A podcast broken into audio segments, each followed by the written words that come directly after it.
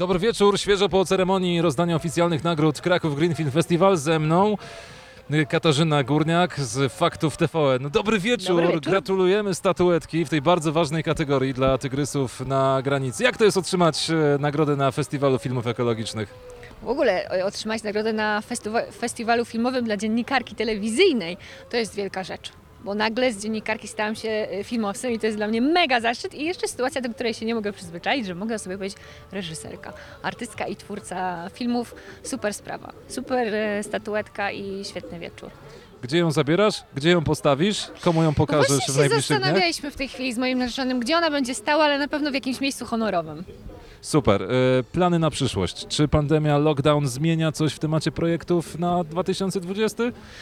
No ten rok to wszystko wywrócił do góry nogami i trudno jest y, w czasach pandemii znaleźć jakiś inny temat poza pandemią, więc czekamy na to, aż pandemia trochę nam odpuści i trafimy na jakąś fajną historię. Trzeba znaleźć, to trzeba szukać i trzeba mieć trochę szczęścia. Świętuj, gratuluję raz jeszcze. Dziękuję. Katarzyna Górniak, Fakty TVN w miasteczku festiwalowym Kraków Green Film Festival.